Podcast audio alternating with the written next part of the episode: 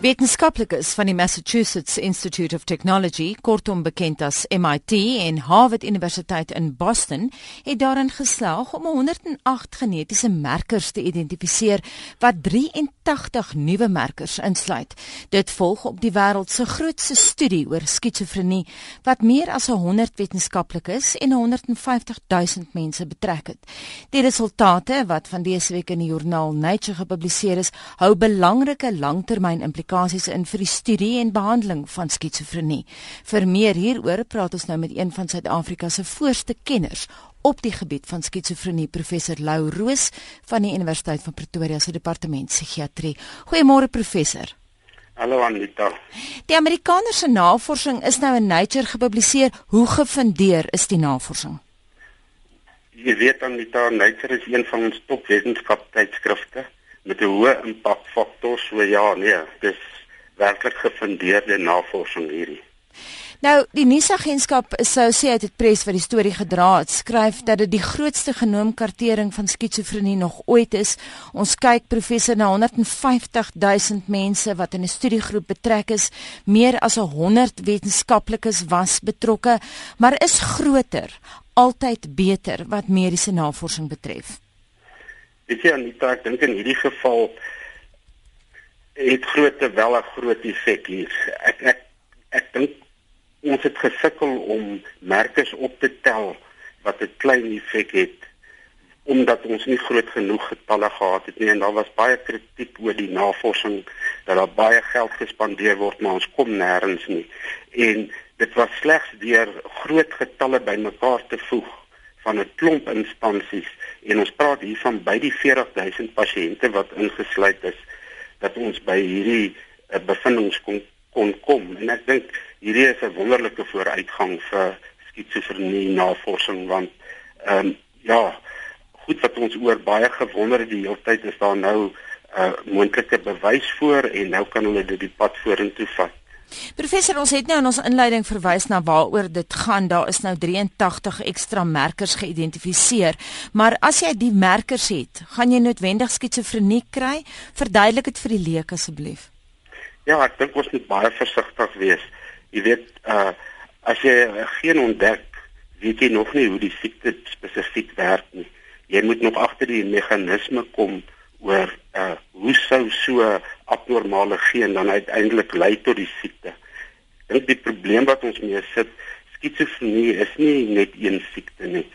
Ons sal later sien dat hierdie is 'n groep van toestande en ehm um, wat wat hierdie bevindings eintlik wonderlik maak is dat goed wat ons altyd oor hipoteses gehad het word uh uitgelig en ek dink uh as ons kyk na sekere neurotransmissie in die brein uh sekere groepe stowwe dan het hierdie bevindings duidelik gewys dat dopamien en die glutaminergiese stelsel baie belangrik is en uh baie van die middels wat tans gebruik word werk op hierdie stelsels maar uh daar's ook ander bevindings gemaak en ek dink um die een belangrike een wat nie direk met die brein te doen het nie het te doen met uh weerstand wat te doen het met immuniteit. En ons is lank reeds bewus daarvan dat uh, daar verband is tussen skizofrenie en die immuunstelsel en dat dit moontlik 'n neuroinflammatoriese siekte is wat witstof areas van die brein sou aantas.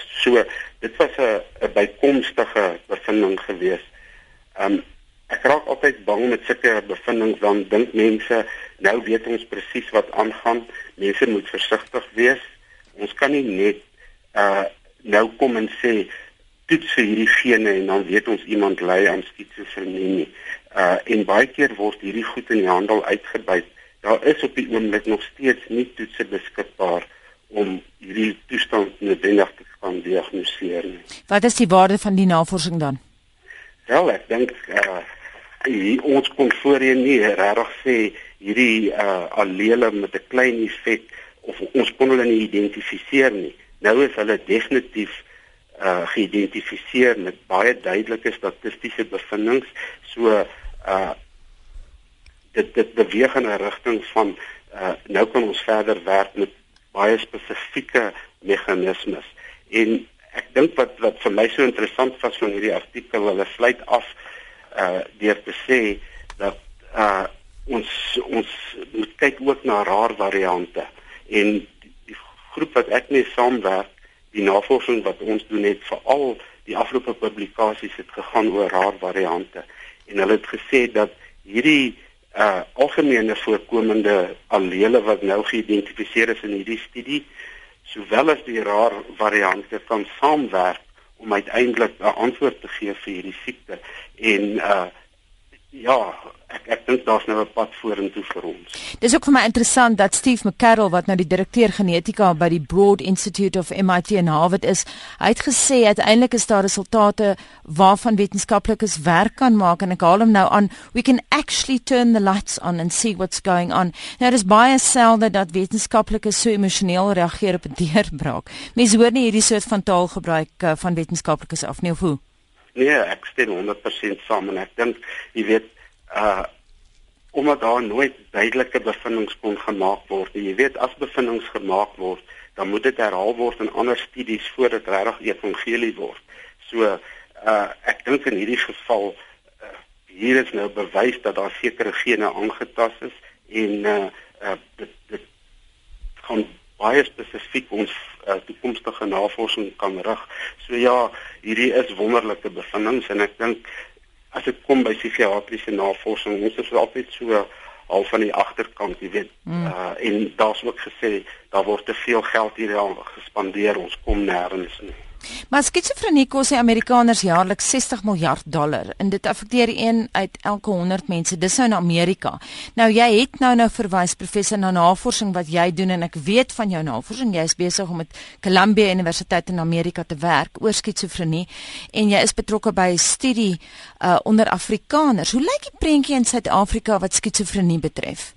Wel, jy weet, as ons kyk na die prevalensie van skizofrenie in die algemene bevolking dit word geskat op 1%. So dit is wêreldwyd omtrent dieselfde. En hoekom ons dan spesifiek met hierdie navorsing begin het en dis nou meer as 15 jaar aan die gang en ons het meer as 850 pasiënte sowel as families ingesluit in hierdie studie. Die aanvanklike navorsing op die Afrikaners het gegaan oor hulle wou gekyk het na uh, 'n stigterspopulasie waar hulle dan hierdie gene sou kon hierdie gene wat moeilik is om op te tel moontlik sou kon identifiseer in hierdie groep wat ons nie kon regkry nie. Maar soos ons navorsing aangegaan het het dit baie duidelik geword dat daar 'n groot groep pasiënte is wat aan skizofrenie ly wat sporadiese gevalle is. Met ander woorde daar's nie eerste of tweede graadse familielede aangetast in hierdie pasiënte nie. En dis in hierdie gevalle waar ons hierdie uh weer rar variante geïdentifiseer het en ek ek dink uh saam met hierdie bevindinge wat nou gemaak is is daar 'n goeie pad vorentoe. Net op 'n praktiese vlak professor Roos watter langtermyn implikasies hou die navorsing in terme van die behandeling van skizofrenie net kortliks. Wel ek dink wat baie belangrik is is uh ons weet almal reageer nie dieselfde op medikasie nie. Party mense het 'n baie uh goeie prognose en hulle respondeer op die huidige beskikbare medikasie, maar daar's 'n groot groep pasiënte wat nie respondeer nie en ons teiken sekere groot groepe uh simptome glad nie en dit het te doen met kognisie, negatiewe simptome, sosiale kognisie en ja, hierdie gaan vir ons 'n kans gee om nuwer middels te kan ontwikkel en meer spesifiek uh uh groepe simptome te kan teiken en te behandel en hierdie mense wat baie keer baie swaar kry te kan help. Baie dankie en so sê professor Lou Roos van die Universiteit van Pretoria se departement psigiatrie.